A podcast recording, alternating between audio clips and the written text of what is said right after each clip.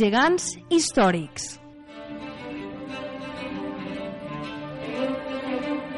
Elvira de Hidalgo, Juan Cabré, Nicanor Villalta o Andrés Piquer són alguns dels matarranyencs amb més història. Gegants històrics. Un col·leccionable de personatges històrics del Matarranya presentats per l'activista cultural de Queretes Juan Luis Camps. Avui parlem de Francisco Guàrdia Bonfill, un dels principals corredors de cross dels anys 60 a nivell estatal i amb una bona trajectòria internacional. Va néixer a Queretes, on va viure de crio i adolescent i es va fer mosso a Valljunquera. A partir del servei militar que va fer a Saragossa, el cross marcaria la seva vida, portant-lo a residir i treballar finalment a Reus, on va morir fa pocs anys. Qui? El protagonista de la història. Pues Francisco va néixer el 25 d'octubre de 1934 al Mas de Silverio de Cretes. Si bé sa mare sempre va dir que, era, que va ser el dia 17 d'octubre. Era fill de José Guàrdia Aguilar i de Palmira Bonfill Alvesa. Un dels seus iaios, eh, que es deia Jaume, va viure al Mas del Rei, on va viure la família a partir del 1915.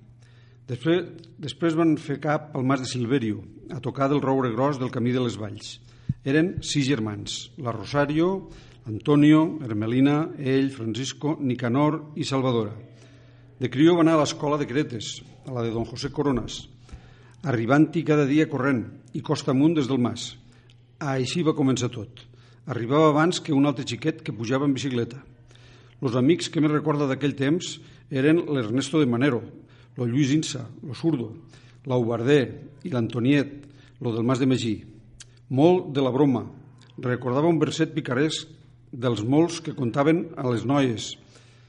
Un sujeto se casó con una sujeta y a los nueve meses nació una chiqueta.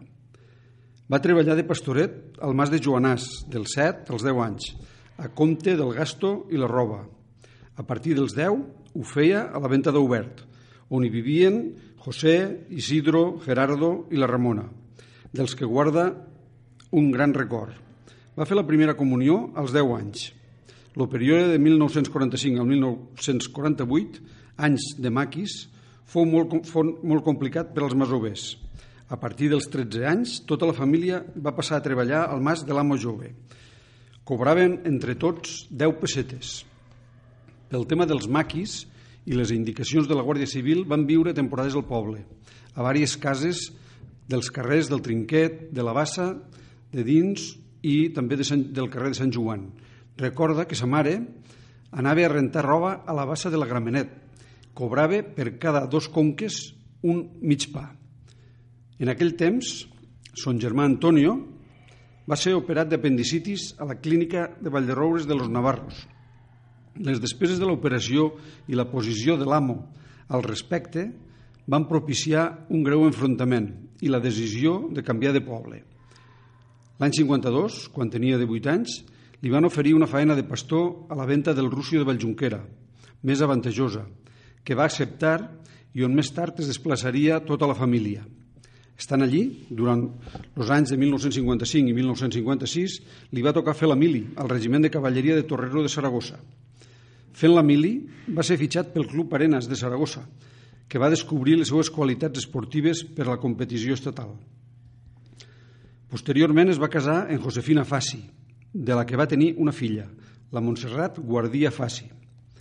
Quan va fixar pel Reus Ploms, el 1957, tenia llavors 23 anys, va seguir vivint a Bajunquera fins al 1964, quan ja en tenia 30. Lògicament, no podia viure exclusivament de l'esport, per lo que es va comprar una furgoneta Citroën amb la que anava dos dies a la setmana a entrenar i alhora baixava corders per la venda.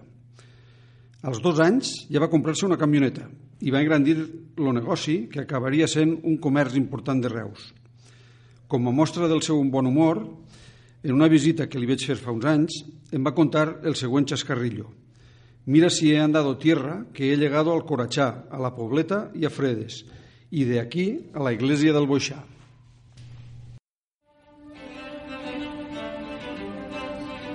Quan? El conteste històric. parlem del període que va viure el protagonista. Com hem vist, la seva vida està lligada en un principi a Gueretes, després a Bajunquera i finalment a Reus. Els nostres relats s'enquadren en els temps de la Guerra Civil de 1936, a la postguerra, en l'època dels maquis, i la primera part de la dictadura de Franco. Anys molt difícils, de vida dura, quines necessitats de la seva família i l'esperit de superació propi van determinar els seus èxits esportius i, posteriorment, els econòmics i professionals. Què? El més destacat de la trajectòria. Pues bé, Francisco va destacar com a corredor de cross. En la seva carrera esportiva l'hem d'enquadrar la seva carrera esportiva l'hem d'enquadrar en el període de 1955-1968. Primer, com molts jovens, a les corregudes de pollastres de les festes dels pobles de la comarca. Pronte no tindria rival. Corria l'any 1955 i amb 21 anys Francisco era el millor de la comarca. La seva fama va arribar després de les carreres institucionals. Al febrer del 56 va sortir a la carrera del Frente de Juventudes del Canyís, Allí també hi participava el campió d'Aragón, de manera que van acordar que per aquesta circumstància el que arribés segon se consideraria el guanyador. Però no va caler, perquè Francisco va guanyar la correguda i la notícia va sortir a l'Heraldo. També este mes va guanyar el campionat provincial de campo a través cross que es va fer a Teruel. A principi de 1957 va participar amb el Club Arenas en el trofeu José Antonio Elona Olaso, va fer el cinquè lloc. Allí lo va veure el president del Reus Ploms, Lluís Mas Ossó, i li va oferir de córrer en una carrera de Reus. Cap allà va anar amb una moto Osa. Després va fitxar pel Club Espanyol de Barcelona, però ja el mateix 57 ho va fer pel Ploms, seguint vivint a Bajunquera fins el 1964. El 1957 va disputar la, cursa de cross a Santander, també a València i a Barcelona, la Jam Boyne. Fins al 1962 va fer també diverses curses d'àmbit nacional. El 1962 va disputar el Campionat d'Espanya a Madrid, obtenint el cinquè lloc. El mateix any va participar al Cross de les Nacions a Londres, obtenint el 15è lloc. El 1963 va participar al Campionat d'Espanya amb la Marató de Madrid i allà va obtenir el, tercer, el 13è lloc. Tot seguit, el Cross de les Nacions del Sarte, on Mariano Aro va obtenir el segon lloc i Francisco Guàrdia el sisè. El 1964 va participar al Cross de les Nacions a Brussel·les. També el 6 de desembre al trofeu Marcelino Gené, on va quedar el primer. Aquell any va tenir la desgràcia de trencar-se el menisc, que li va impedir anar al campionat de Tòquio, per al que ja estava seleccionat. Finalment, el 1965 va participar a la cursa de Brussel·les i l'1 de desembre de 1968 novament al trofeu Marcelí Gené quedant lo primer. Com? Les pedres durant el camí. Francisco va tenir sempre una gran voluntat i va saber aprofitar les oportunitats que la vida li va anar donant. El fet de viure al mas i tenir que anar a l'escola del poble i voler arribar que el company que anava en bicicleta el va formar físicament sense adonar-se'n. Després, els pollastres de les carreres pedestres dels pobles de la comarca i la necessitat de portar alguna cosa cap a casa li van fer obrir els ulls a la possibilitat de traure'n algun profit d'arribar a lo primer. Va aflorar el seu espírit competitiu. Aquestes característiques personals fantàstiques condicions físiques i bon espírit competitiu van determinar en tant feia la Mili el seu fitxatge pel Club Arenas de Saragossa i finalment pel Reus Ploms. A partir d'aquí, la seva visió comercial, aprofitant els viatges per a vendre corders del, seu ramat, li va permetre compaginar l'esport i fonamentar seus, el seu modus vivendo final. Un personatge extraordinari del Matarranya i principalment per als que, els hem, que el vam conèixer una bona persona.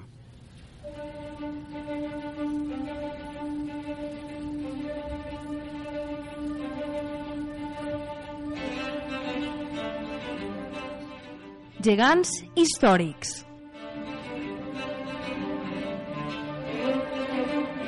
Elvira de Hidalgo, Juan Cabré, Nicanor Villalta o Andrés Piquer són alguns dels matarranyencs amb més història.